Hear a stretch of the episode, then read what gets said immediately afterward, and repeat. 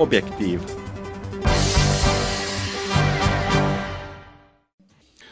tervist, head Pereraadio kuulajad ja Objektiivi jälgijad. algab meie raadiosaade, mina olen Markus Järvi ja täna on minuga koos mikrofoni juures ortodoksi preester, literaat, kirjanik ja Objektiivi kaasautor Roland Tõnisson. tere, Roland! tervist, tervist! me räägime selles saates Objektiivi portaalis olnud uudistest ja teemadest ja üks peamine teema on Rootsi ja Põhjala laiemalt ning immigratsioon.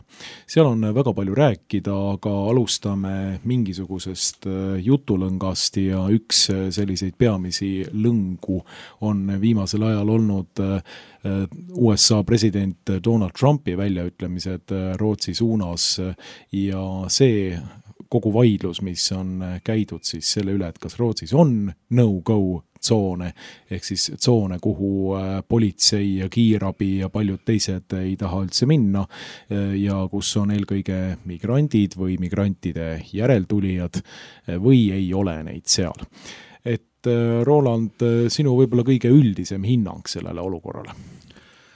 no minu kõige üldisem hinnang on see, et me peaksime usaldama inimesi, kes elavad seal kohapeal ja kui Rootsi politseinik Springare on oma arvamust sellel teemal avaldanud, siis ma arvan, et äh, meil ei ole põhjust kahelda tema sõnades. inimene on ju töötanud aastaid Rootsi tänavatel ja ma arvan, et ta teab kõige paremini seda olukorda. Äh, sageli on ju niimoodi, et mingeid suuniseid ametkondadele annavad inimesed, kes oma laua tagant püsti ei tõuse ja ja kes ei puutu kokkugi selle valdkonnaga eriti, millega nad peavad tegelema näiteks kui meil Eestis Kaitseministeeriumi ametnik äh, külastab kasarmut ja pärast tweetib või kirjutab Facebookis, et küll oli äge, ma poleks kunagi arvanud, et kasarmu võib nii kihvt olla. noh, siis tekibki nagu küsimus, et, et äh, millega siis ametnik tegeleb. ja see on just nimelt ju see valdkond, mis, mis äh, tema pädevuse alla peaks kuuluma.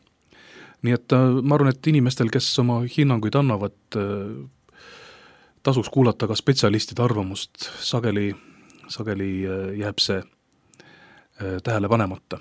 nii et äh, ma arvan, et kui Norra, Rootsi, Taani, Soome politseinikud löövad häirekella, siis on asjal kindlasti tõsi taga no miks me sellest räägime, on kindlasti see, et äh, kui Rootsis äh, või ka Soomes või, või äh, Taanis, Norras sellised no-go tsoonid moodustatakse, siis räägib see tegelikult ainult ühest asjast. see räägib sellest, et palju kiidetud multikultuurne ühiskond ja lõimumine on sellisel kujul läbi kukkunud. ja siinkohal tahaksin meenutada ühte väga huvitavat filmi, mida sa kindlasti oled näinud, Taanis vändatud dokumentaalfilm, film, eh, mis siis eh, rääkis pikalt-laialt sellest, kuidas eh, Taani mošeedes ka täiesti ennast liberaalsetena reklaamivates mošeedes antakse nõu šariaadi seaduse järgi ning öeldakse siis inimesele, kes sinna tuleb näiteks kurtma seda, et tema abikaasa teda füüsiliselt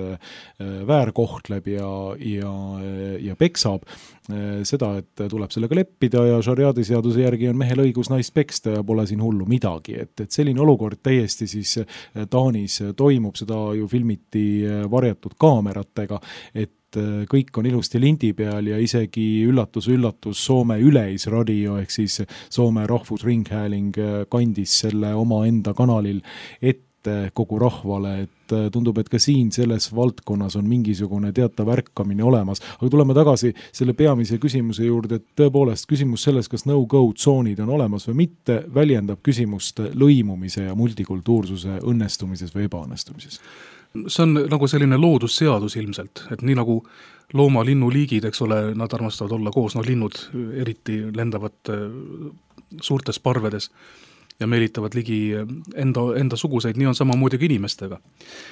no näiteks Soomes on Helsingis kaks linnaosa, need on Merirastila ja Kondula. ja need on sellised linnaosad, kus äh, kolmandik inimesi on juba migrante ja need ei ole tegelikult mitte ainult siis moslemid, vaid näiteks Kondula on eestlaste kogunemise koht. ja kui näiteks Kondulas ringi kõndida, siis tee servas pargitud autod on, põhiliselt on nad Eesti numbrimärgiga. mis tähendab seda, et äh, kõrtsis kaklevad eestlased, poest teevad oste eestlased ja seal on ka Eesti kauplused äh, päris jõudsalt kerkinud. toona, kui ma Helsingis elasin, oli mul selle üle ainult hea meel, sest sealt sai kama ja ja, ja Eesti vorsti ja see oli väga tore ja hea ja ausalt öeldes ma tundsin ennast päris koduselt. nii et kui ütleme, erinevad rahvusgrupid kogunevad mingisugusele territooriumile, siis on see täiesti mõistetav, see on kuidagi nagu loomulik nende inimeste jaoks.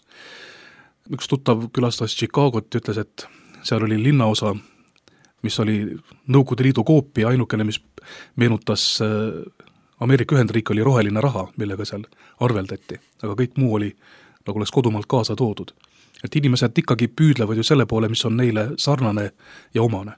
siin ei ole mitte midagi nagu teha. Torontos näiteks äh, see, mida me tunneme praegu Hiina linnana või Chinatownina, omal ajal oli see juudi kvartal, siis sai sellest Itaalia kvartal ja nüüd on seal hiinlased. Üks tuttav, kes elas Inglismaal aastaid, mitte nüüd nii väga kaua, vaid ta ütles, et äh, selle viie aasta jooksul, mis ta Inglismaal elas, äh, kõigepealt ta kolis siis ühte majja, mis oli ühe sellise pisikese Inglise linna üks linnaosasid. välja kolimata sellest majast, ütles ta, mul õnnestus elada nii British Townis kui Poola Townis, kui nüüd on see moslemi taun. väga ruttu see miljöö seal muutus. nii et äh, see on, elu kuidagi seab oma, oma, oma seadused niimoodi, inimesed otsivad seda, mis on neile omane, see on arusaadav, aga kui riik on lasknud tekkida nendel ära-mine tsoonidel, siis on see loomulikult äh, riigi möödalaskmine. soomlased räägivad palju, soomlased räägivad palju sellest, et Merirastil ja Kondula ei tohiks olla sellised piirkonnad, kus getostumine aina, aina suureneb.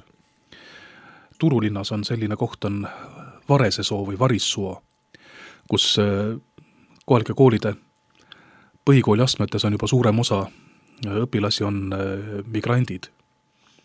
ja see on nagu selline seisund Soomes, kus probleem on teadvustatud, aga keegi nagu sellest ei räägi ja kõik nagu loodavad, et äkki läheb üle mm. -hmm. et äkki, äkki, äkki ei lähe nii hulluks.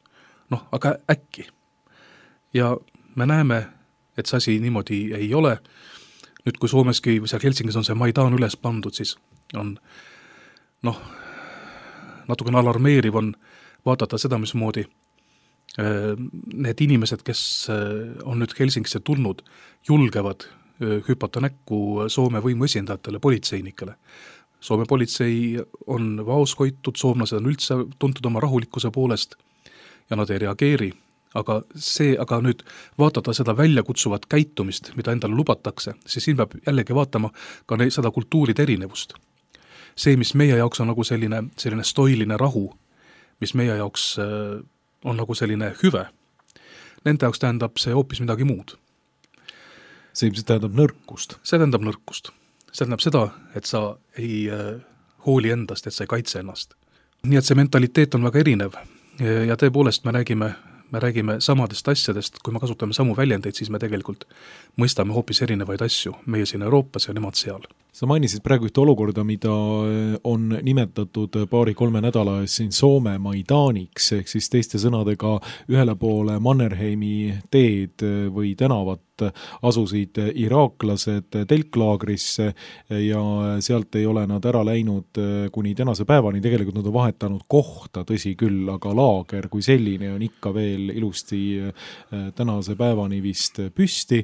Ja siis teisele poole Mannerheimi teed paar-kolm nädalat tagasi astusid Soome rahvuslased ja ütlesid, et nad siit ära ei lähe, kuni see migrantide telklaager, kelle asüülitaotlusi Soome riik ei rahuldanud ja kes siis protestivad selle Soome riigi otsuse vastu seal äh, istudes seal tänaval, saades päris suurt poliitilist tähelepanu, eelkõige Soome Vasemistoliito ja, ja, ja vasaklaste ja pahemlaste ja roheliste poolelt, et siis need äh, rahvuslased äh, istusid seal, ütlesid, nad ära ei lähe, aga äh, läksid küll, kui politsei tuli ja nad lihtsalt sealt nüüd siis on sellest nüüd paar nädalat möödunud äh, laiali ajas.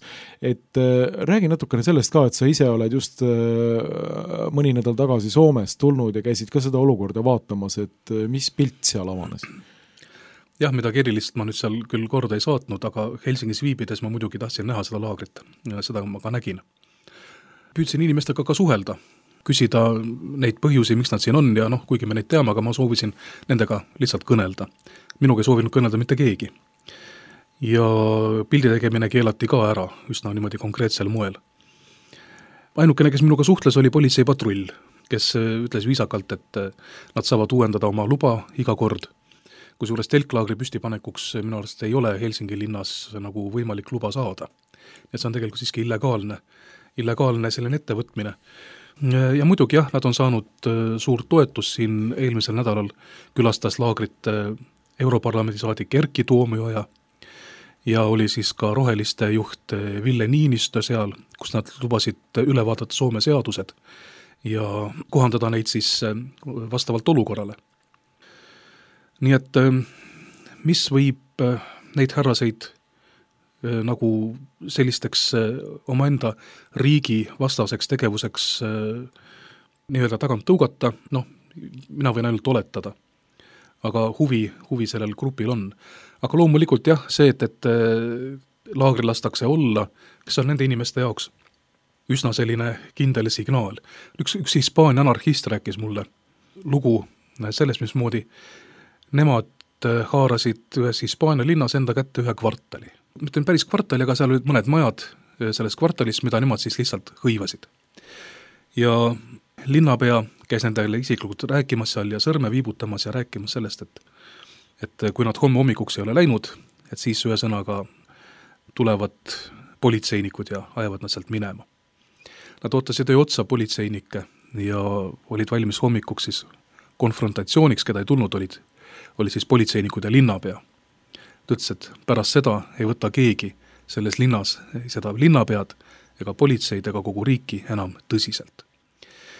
nii et äh, selline see mentaliteet on, no vot, saate alguses sa tutvustasid ka, et, et sul on nagu preester siin saates külas. ja sellest kõigest rääkides olen ma ise ka nagu väga kahe vahel, sest ühest küljest jälle ei ole vaimuliku asi rääkida nendel teemadel.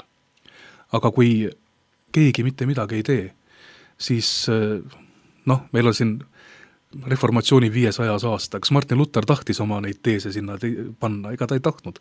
tükk aega mõtles, enne kui ta seda tegema hakkas. enne kui ta need sinna naelutas ja mina muidugi ei võrdle ennast doktor Martiniga, esiteks mul pole doktorikraadigi mitte ja, ja nii edasi, aga noh, ma usun, et küllap nii sina kui ka paljud raadiokuulajad saavad väga hästi aru sellest, et et kui meie kodanikena ise mitte midagi ette ei võta, siis, siis jääbki ka riik ripakile. ei ole mitte midagi teha no ja need, kes seal äh, ka Soome telklaagris äh, Helsingis ilusti äh, koha sisse on võtnud, on ikkagi samamoodi sellised jõulised, toredad kahekümne kuni kolmekümne aastased täkku täis mehed. et see profiil tuleb ikkagi igalt poolt absoluutselt, absoluutselt, küsimus ei ole mitte sõjapõgenikega, küsimus on siiski suures osas inimestega, kes on valmis ühesõnaga, kes ka soovivad elada omaenda maailmanägemuse järgi, nad ei ole valmis seda muutma, nad on valmis muutma meie enda eluviisi, meie seadusandlust, nagu me näeme, eks ole, siin äh, selleks, et äh, nemad ennast siin hästi tunneksid.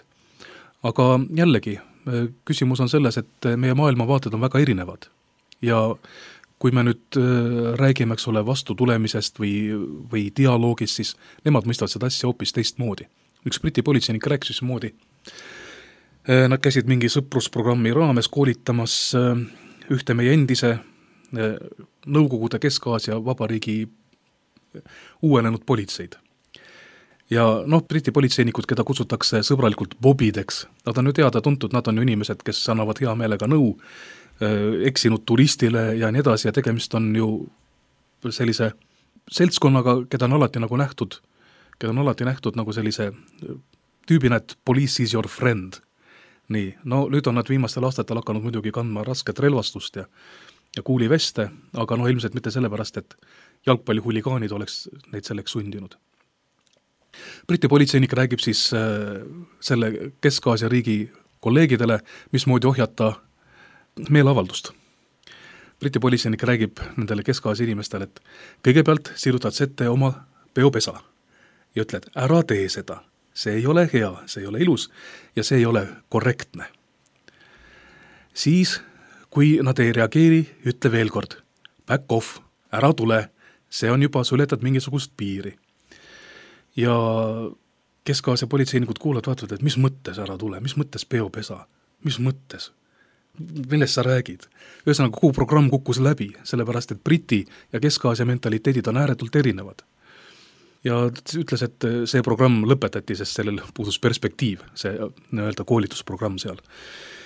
nii et äh, jah äh,, nendel inimestel on tarvis konkreetseid äh, konkreetset sõnumit ja on tarvis ka konkreetseid tegusid nende sõnade taga, sest muidu on need sõnad, sõnad tühjad jah, mulle tuleb äh, meelde sinu Briti politseiniku programmiga äh, võrreldes ka üks äh, Soome üleisradio, Soome Rahvusringhäälingu video, kus peale Kölni vägistamisi üllitas ka kohalik Soome Rahvusringhääling siis video, kuidas naine peaks käituma, kui keegi teda seksuaalsete kavatsustega üritab rünnata ja see oli umbes sarnasest ampluaast, stiilist, et tuleb eelkõige peopesad ette panna ja siis ütelda tugeva äh, aktsendiga ei, korrata seda inglise keeles, kui vaja on ja, ja midagi sarnast, et noh, et et see, mis võib-olla soomlasele võib väga tõsiselt mõjuda, see kindlasti seal äh, nendele inimestele, kes tulevad teistsugusest kultuurist, kus äh, mehe roll on midagi hoopis teist kui, kui kuskil Põhjalas, kindlasti ei mõju see nendele karvavõrdki. Aga muidugi jah, täpselt niimoodi see ongi. Ja pealekauba lääne ühiskond ise oma olemusega annab mõista, et tegelikult on ta ohver ja ohvriseisundis.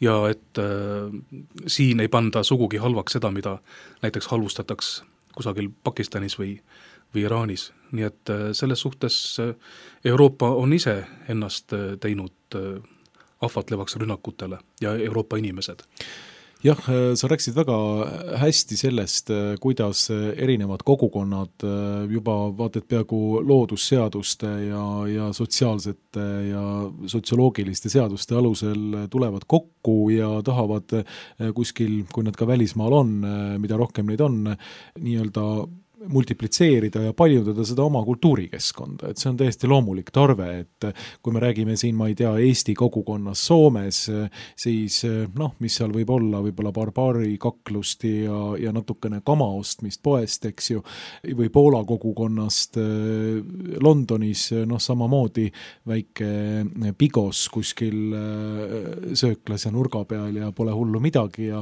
ja räägitakse poola keelt ja tõmmatakse lõõtsa, aga nüüd ongi oluline see, et, et mis on selle kultuuri kese, kes seda kogukonda äh, moodustab. noh, ei saa ju nuriseda ilmselt ka hiinlaste või juutide üle, kes on Euroopa ajaloos ka mitmeid kogukondi moodustanud ja ja enam-vähem rahulikult äh, selle üldkultuuriga suhtestunud, eks ju. aga see, mis nagu silma äh, paistab kogu selle kogukondlikkuse juures nüüd nii Rootsis kui ka Taanis kui igal pool mujal, on just see, et islam on see religioon, mis ei taha taha üldse ümbritseva kristlik, ütleme siis ausalt ära, Euroopa paganliku või sekulaarse kultuuriga mingilgi viisil seguneda. ja see toob esile just nimelt sellise veel suurema kohesioonitunde, veel suurema äh, vajaduse kaitsta ennast selle kõike eest. aga loomulikult, kui nüüd vaadata maailma ja Euroopat moslemite pilgu läbi, siis tõepoolest, see ei ole selline ühiskond, millega peaks nemad tahtma integreeruda. milleks? Neil ei ole seda tarvis. tähendab, see, mida Euroopal on neile pakkuda, see on äh, ainult äh, laga ja lagunemine. noh, ma ei tee sugugi saladust sellest, et Helsingis sai trammi sõidetud. ma nägin oma enda silmaga rohujuure tasandil seda integratsiooni ja selle võimatust. see ei ole võimalik.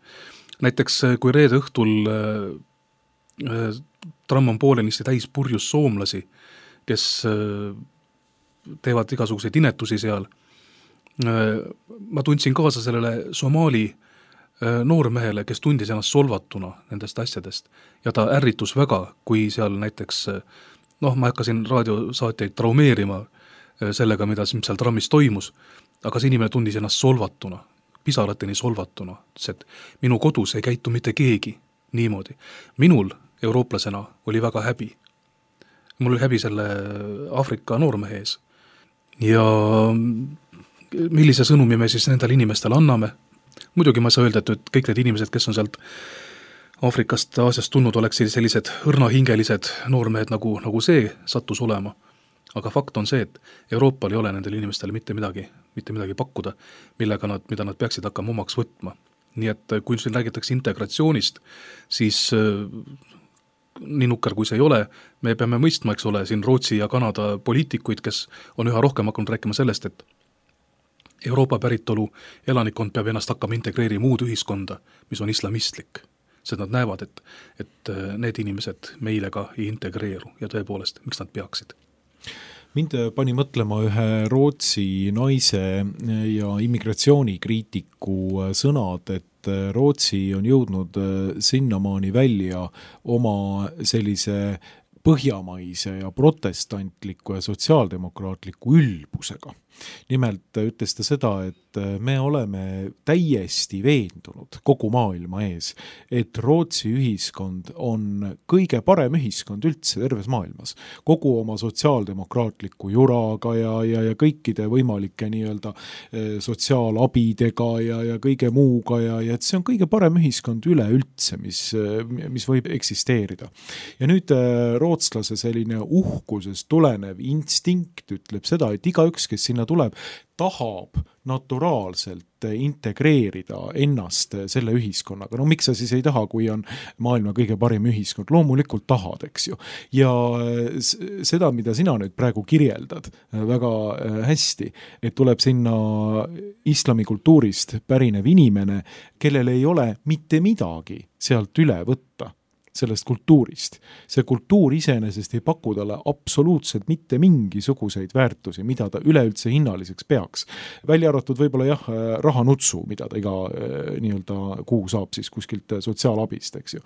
ja, ja, ja, ja tulemus on see, et, et tulemus ongi no-go tsoon, eks ju, mitte läbikäidav tsoon, kus lihtsalt rootslasena või kellegi teisena saad lihtsalt tuupi, sellepärast et ei taheta sind sinna sisse lasta ja ja see on nagu see kogu nagu problemaatika kese, vähemalt selle naise arvates.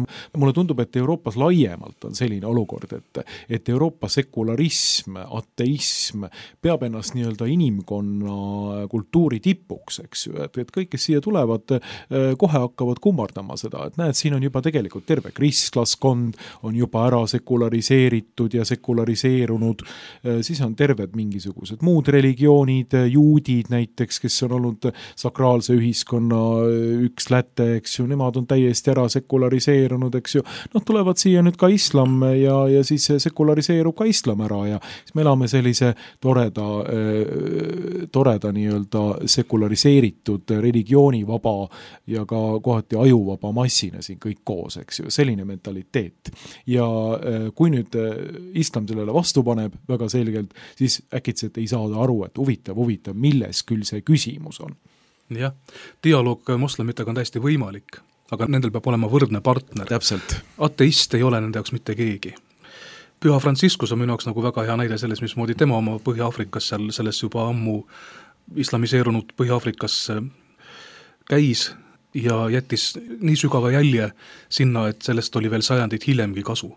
ja see on võimalik, aga neil peab olema kellegiga nagu rääkida ühistest, ühistest asjadest ateismi nad ei mõista, kuigi nad ei saa nüüd öelda, et meil kõik need moslemid oleksid äh, sellised sügavalt, nii-öelda sügavalt usklikud, et seda saaks kuidagi niimoodi mõõta, kaugel sellest, aga moslemitel on ju usuelugi pidada tunduvalt lihtsam kui, kui teistel, sest seal on väga sellised pisikesed ja konkreetsed asjad ja kui sa neid praktilisi asju järgid, siis olengi Allahil sinu üle hea meel ja ja Muhamed on sinuga sõber. nii et jah, Euroopal ei ole mitte midagi sellist neile pakkuda. tehnilised oskused jah, aga, aga paraku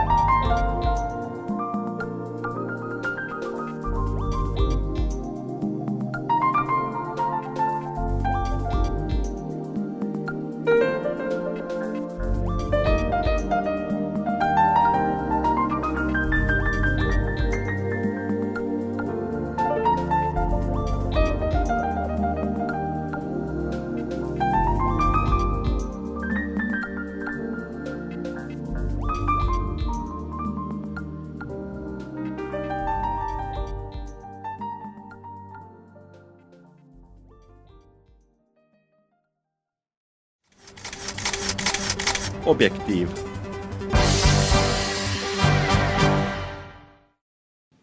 No kui me tuleme Eesti juurde, siis äh, ühe definitsiooniga sai hakkama meie president vabariigi äh, aastapäeval peetud äh, presidendi kõnes, öeldes seda, et eestlane võib olla igaüks, kui ta tunnustab meie keelt, kombeid ja väärtusi. see on ka üks selline nii-öelda rahvuse definitsioon, mis on igal pool Euroopas ja eriti sekulaarsetes postkristlikes, postnatsionaalsetes riikides vägagi levinud ja Kaljulaid pikaajalise eurobürokraadina ilmselt sealt selle ilusti on üles noppinud ja seda nüüd ka siis kodumaale juurutab. no kuidas on, Roland, et no näiteks minale väga meeldivad ma ei tea, Horvaatia brittide ja itaallaste ja prantslaste keel, kombed ja väärtused. eelkõige horvaadid meeldivad mulle väga, et eh, nii-öelda nemad, kes on olnud moslemivastases võitluses katoliiklastena seal juba aastasadade viisi eh, ennast tõestanud väga, väga väärikas ja mõnus, mõnus rahvas. et kas ma olen nüüd automaatselt horvaat või ei ole, et kuidas sellega nüüd on? no ma ei oska sind mõõta millegiga, ma ei tea, võib-olla sa oskad isegi horvaatia keelt väga hästi. kahjuks ei oska no,, et aga ma, aga, aga ma tunnustan tema mm, keelt mm,. jah. Äh, isiklikult minule on vastumeelt äh, mõte sellest, et inimesi võiks eelkõige liigitada nende rahvuste järgi vot kristlus on selline suurepärane rahvusülene asi minu arvates ja mulle väga meeldib see Pauluse ütlemine, kõigile meile tuntud teatud, et ei ole juuti ega kreeklast, vaid äh, mingist teatud hetkest alates me ei saa enam rääkida rahvusest kui kõige kõrgema idee kandjast. ma olen ise ka oma elus tähele pannud äh, korduvalt seda, et, et äh, inimestega ei, ühenda mind mitte sama keel ega mitte sama sünnimaa niivõrd, kui ideed, millest rääkida ja ma pean ütlema, et äh, ühed minu väga head sõbrad on olnud tõesti Aafrika kristlased, sest me jagame samu väärtusi ja Helsingis äh, omal ajal tööl olles oli minu üks parimaid kolleege, oli üks, üks Pakistani moslem, kes võttis mind kaasa korraga ühte mošeesse, äh, mille seal peetud kõnest ma ei saanud küll mitte midagi aru, peale selle, et seal räägiti Britanniast, Ameerikast ja, ja Euroopast midagi.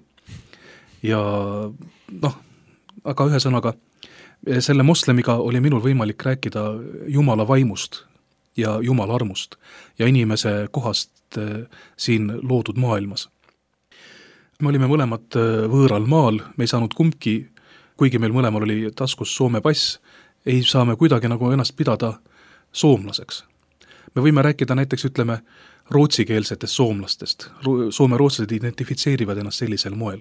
aga ometigi nad ei ole lõpetanud ära oma rootsikeelset äh, riigikeelsust, rootsi keel on siiamaani riigikeel, kui nad loevad ennast äh, soomlasteks, miks nad ei ole sellest loobunud, nad säilitavad oma identiteedi, neil on olemas rootsi koolid, rootsi keele oskus peetakse siiamaani oluliseks, kui sa soovid teatud riigiametitesse saada.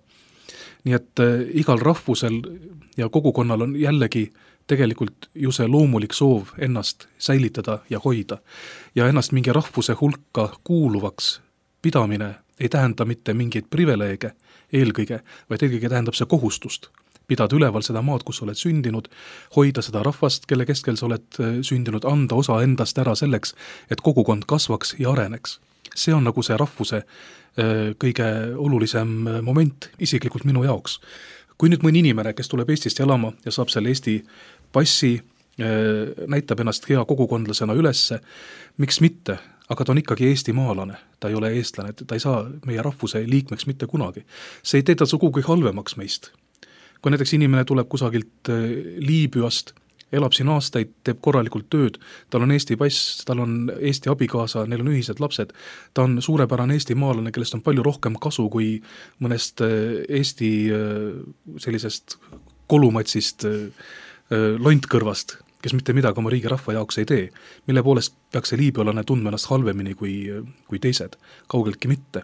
küsimus on just selles, kuidas sa kogukonda panustad ja nii edasi, aga ta jääb ikkagi Liibüa päritolu eestimaalaseks, ei ole mitte midagi teha. kui mina lähen Liibüasse, õpin ära araabia keele, panen endale turbani pähe, ikkagi olen ma ikkagi seal mingi Rolando al Estonia või ma ei tea, mis nime nad mulle seal annaksid. ei ole mitte midagi teha. Nii et äh, nii see on, ma arvan, et äh, me ei peaks segi ajama eestlasi ja eestimaalasi. see ei tähenda, et üks kogukond oleks teisest parem, aga eelkõige tähendab see siiski eestlastele kohustust üleval pidada oma riiki, oma rahvast, seda infrastruktuuri, mis meil on, teised peavad andma meile võimaluse sellega tegeleda ja töötada ja, ja andma oma panuse sinna, sinna juurde. nii et need on sellised, see on keeruline küsimus. Mis on kõige selle juures, on kaval point on see, et kui me räägime siin sellest, et me kõik oleme eestlased, siis tähendab see seda, et me peaksime eh, loobuma kõige selle rõhutamisest, mis on meile omane. lõppkokkuvõttes, eks ole, kui eh, Norra suusatarvete firma paneb, eks ole, noored inimesed äh, ühele fotole ja seda leitakse, et see on natsism, sest nad on kõik heledanahalised ja vaatavad selgesilmselt ja lootusrikkalt tulevikku. ja keegi leiab, et äh, siin on tegemist mingisuguse rahvusülistamisega. vot see on selline haige mentaliteet juba, millega kuidagi nõus ei saa olla. eestlaseks olemine ei tee kedagi kellestki paremaks. aga see ei tähenda seda, et me peaksime häbenema seda, et me oleme sündinud sellistena, nagu me oleme see mentaliteet, mida meile praegu peale surutakse, see on just nimelt selline kögla-mögla ühepajatoit, mis tahetakse teha näotuid olendeid, kelle seljast on nahka hea koorida ja villa pügada. ja kui see on eesmärk, siis sellise eesmärgiga mina nõus olla ei taha see oli väga hea seletus äh, sellele teemale, äh, mida ma tegelikult jagan sinuga pead sada protsenti, tõepoolest on olemas rahvusüleseid väärtuseid ja rahvus kui selline ei ole väärtushierarhias äh, kõige kõrgemal positsioonil, ammugi mitte aga tõepoolest see ideoloogia, mida välja tuuakse, et eestlane võib olla igaüks, on väga huvitav just nimelt selle negatiivse konnotatsiooni poolest seal, et mida sa ka välja tõid, et äh, me ei saa ja ei tohi ennast eestlasena tegelikult enam identifitseerida, vaid me peame tõepoolest olema mingisugune selline hall mass, väga, väga täpselt äh, minu arvates defineeritud no,. see on umbes sama, et et ütleme niimoodi, et tõmmates paralleeli siin selle bolševistliku revolutsiooniga, et ütleme niimoodi, et keiser tahtis, et me kõik oleksime võrdselt rikkad, aga bolševistid tahtsid, et me oleksime kõik võrdselt vaesed, eks ole, ja praegu meid tõmmatakse sellesse võrdsesse vaesusesse. et kõik oleksid mudas, kõigil oleksid pastlad jalas, keegi oleks kellestki parem, sest siis on kellelgi lihtsalt hea tõmmata nööri. täpselt, tegelikult on sellel ka teine pool Äh, sellel temaatikal, et äh, kui sa rääkisid nüüd sellest, et äh, sul on mõne inimesega palju rohkem ühist kui oma rahvuskaaslasega, siis tegelikult Eesti ühiskonnas mina arvan, et on juba pikemat aega olukord, kus me oleme vaimses kodusõjas. et vaadates väga paljusid inimesi, ma ei tea siin mainida võib-olla nimeliselt mingisuguseid poliitikuid, kõikvõimalikke niinimetatud riigi poolt kinni makstud kodanike ühiskonna liikumiste juhte, ma ei tea, Helen Sildna ja ja paljud teised homoaktivistid ja kõik muud liberaalid, pahemlased, kes ajavad mingisugust mingisugust ideoloogiat suust välja ja kellele mina olen vastik ilmselt väga selgelt. Ja äh, kes on minule täiesti vastuvõetamatud. Äh, tekib küsimus, et äh, kas me oleme enam üldse nii-öelda sama kogukonna või sama rahva liikmed, sellepärast et, et meie nägemused meie tulevikust, ühisest tulevikust on täiesti diametraalsed diametraalselt teineteisele vastanduvad. ja kui noh, kui keegi sots üritab üha suuremat segunemist Euroopa rahvaste perre, Euroopa ühisturule ja, ja, ja kõikvõimaliku nii-öelda kultuurikatlasse, eks ju, eelkõige ideoloogilisel tasandil ka, siis, siis meie ja Objektiivi ja Sihtasutuse ja paljude teiste inimeste ideaal on ikkagi see, et, et meil oleks Eesti ja rahvusriikide Euroopa. selline Euroopa, kus, kus, kus igaüks oleks omaette pärl, kus, kus oleks rikkust ja, ja, ja nii keelelist kui kultuurilist. et, et siin tekib küsimus, et noh, et, et huvitav, et kui kaugele see vaimne kodusõda võib areneda ja, ja, ja kas meil võib välja tekkida selline olukord, et me ühel hetkel ei saagi enam siin koos eksisteerida? mine tea, ennustamine on alati selline selline kahtlane asi, et kohvipaksult vaadata, mis tulevik toob, seda me ei tea, aga tendentsid on küll sellised kummalised. Noh, kui meie president ütleb, et eh, me peame sisserändajatele ütlema, mida me neilt ootame, see on väga hea idee, ma olen selle poolt täiesti, ainukene asi, et kui Prantsusmaa, Inglismaa, Itaalia, Saksamaa ei ole suutnud aastakümnete jooksul neile selgeks teha, mida neilt oodatakse, siis eh, millisel moel siis nagu näiteks ütleme, Eesti seda suudaks teha? ma ei tea, aga see ideoloogiagi, mida sa siin mainisid, mul on, mul on raske sellele midagi kosta, sest ma ei saa sellest lihtsalt absoluutselt aru mm. -hmm. ma ei suuda ennast panna nende inimeste kingadesse, kes äh, sellisel moel asju meile presenteerivad, seda meie nii-öelda uusi normaalsusi. minu vaene aju ei suuda seda kuidagi haarata. ma ei tea, mida ma peaksin tegema selleks, et seda mõista. ma pean ennast küll empaatiavõimeliseks inimeseks, aga mingitest asjadest ma lihtsalt nagu aru ei saa. no ma ei oska öelda, vaat, vaat inimene võib ju, eks ole, rääkida seda, mida temalt mõnikord tahetakse. meil on siin juba tükk aega üleval teema meie suure nukujuhi Georg Sorosega, kes raha eest paneb inimesi tegema absoluutselt kõike, mida on võimalik. Soros on öelnud, et äh, tema soovib kindlasti saada lahti praegusest Ameerika Ühendriikide presidendist, kes on Valgesse Majja saanud ja ja kaheksandaks märtsiks plaanitakse uut äh, sellist suurt meeleavaldust, millega tahetakse tegelikult jõuda üleriikliku streigini, öeldakse, et iga naisterahva kohus on astuda vastu sellele halvale olendile, kes seal Valges Majas praegu on. nii et eh, see on nagu selline demagoogiline sõda ja tegelikult tõesti kodusõjas ei ole mitte üksi Eesti, vaid lääne ühiskond tervikuna. ja jällegi väga ei taha nagu hakata mingisuguseid tonte esile manama, aga fakt on see, et, et Euroopa ja lääne ühiskonna selline lammutamine näeb välja küll sellise eesmärgipärase tegevusena. Ja kui kodanikud sellele vastu astuvad, siis ei maksa millelegi, millegi üle imestada, sellepärast et tõepoolest inimestes on loomupärane arusaam ka teha vahet heal ja halval, õigel ja valel ja kui inimesed ei suudagi kõiki teoreetiliselt selgitada, siis ei ole midagi teha, inimestes on juba väikeste lastena sees arusaam sellest, et kes on poiss ja kes on tüdruk.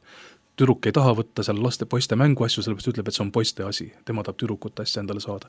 miks peaksime hakkama seda last äh, ümber vormima sootuks olendiks, kellel puudub oma tahe ja kes ainult loeb mingisuguseid vormeleid Soome koolides äh, tuuakse, lastele antakse ülesanne mobiiltelefoni kasutamisest, kas on õige või vale.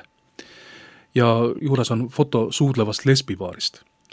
ja küsimus, mis õpilastele antakse, ei ole mitte sellest, et kas see, mida nad teevad, on hea, vaid küsimus on see, et kas seda fotot ikka peaks nagu kõigile jagama, et, et kas sa ei taha, kas sa ei tahaks sellist ilusat romantilist momenti siiski jätta ainult enda ja, ja siis oma kaaslase jaoks nii et küsimus ei ole mitte selles, et kas see, mida nad teevad, on kõrvalekalle, vaid äh, kõige selle taga on äh, selline alateadlik töötlemine. Adolf Hitler oli väga edukas mees, sest ta äh, võttis esimesena kasutusele ameerikalikud reklaamitrikid. kahekümnendatel aastatel, kolmekümnendate aastate alguses, kui oli spordivõistlus, siis Natsionaalsotsialistlik partei jagas vorstikesi papptaldrikute peal, mille peal oli löödud haakrist sööd oma kapsa bratwursti ära, sealt vaatad, Adolfi nägu tuleb sulle vastu või haakrist ja see jätab, jääb sulle meelde. nii et inimese, inimese alateadvus on töödeldav selliste väga lihtsate eh, trikkide kaudu. ja selline töötlus on ka meil, meil olnud. näiteks ütleme, Kreeka koolisüsteem, kui sa vaatad eh, lugemikku eh, kuuekümnendatest, seitsmekümnendatest aastatest, siis Kreeka põhikooli lugemikud, nad lähevad kiriku kalendri järgi seal on kirikupühad sees, väike, väike Jannis läheb seal koos isa-emaga kirikusse seal ja paneb oma trahmi sinna sellesse korjanduskarpi. tänapäeval sa enam selliseid õpikuid ei näe. nii et äh, meil Eestiski, eks ole, laste ja laste jaoks on valmis juba materjalid, millega välja tulla ja uut agendat peale, peale suruda. miks seda tehakse? ei taha muutuda kuidagi siin tõesti tondi lehvitajaks, aga aga fakt on see, et me tõesti oleme, oleme küll eh, erineval pool rindejoont. Jah, ja eelkõige teispool rindejoont olevad inimesed ei ole oma taotlustes selged, et kui sa räägid siin sellest, et kuidas inimest üritatakse manipuleerida ja eelkõige üritatakse tulevaid põlvkondi ja lapsi manipuleerida, siis ma mäletan väga selgelt sellist banaalset kaasust. Ja see on väga huvitav, et, et need kaasused on ju kõik täiesti banaalsed. et terves ühiskonnas ei peaks sellistele idiootsustele üleüldse mingisugust tähelepanu pöörama pöörama. aga me teame väga hästi oma vastaste strateegilisi äh, eesmärke ja me teame ka väga hästi seda, milliste vahenditega nad soovivad oma eesmärkide poole püüelda. ja see on eelkõige laste ja noorte üha selgem indoktrinatsioon.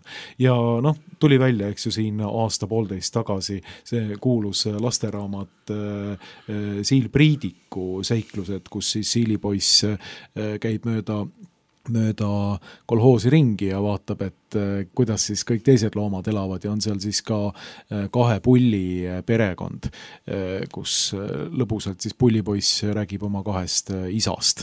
aga jällegi, idiootsus, banaalsus, väike selline pisikene detail kuskil mingisuguse lasteraamatu sees, aga fakt on see, et see on eesti keelde tõlgitud, fakt on see, et Lastekaitse Liit Äh, soosib sellist raamatut.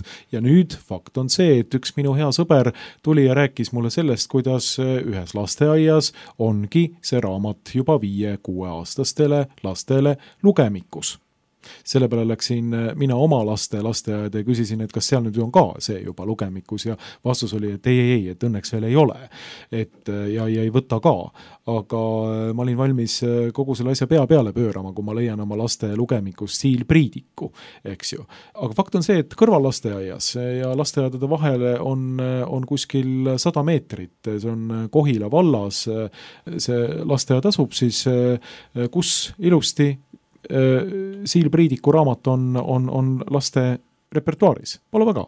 ja, ja siin väike pisikene detail, mida siis lastele söödetakse ametlikult sisse, et ahaa, et on ka kahe, kahe pulli perekond, eks ju, ja nüüd, kui laps äh, saab koolis lisamaterjali ja kõike muud, eks ju, siis hakkab ta vaikselt pidama seda kõike normaalseks. ja see on peamine töö, mida siis äh, tahetakse teha. ja kui me nüüd räägime nendest kahest erinevast äh, rindejoonest, siis teispool rindejoont on kindlasti ka selline asi, et, et seda ei tunnistata. kui me, kui meie nüüd ütleme seda, et vaata, aga vaadake, vaadake, mida te tahate teha, siis nemad ütlevad ei, ei, ei, ei, ei, ei, ei, ei, see on lihtsalt vesikene väike raamatukene, mis on siis nagu noh, võib-olla mõni loeb, mõni ei loe, keegi midagi peale ei suru, mitte mingi probleem ei ole, aga fakt on see, et ta on praegu juba ühes lasteaias konkreetselt lugemikus Pole väga, see on, see on olemas seal ja lapsed loevad seda raamatut.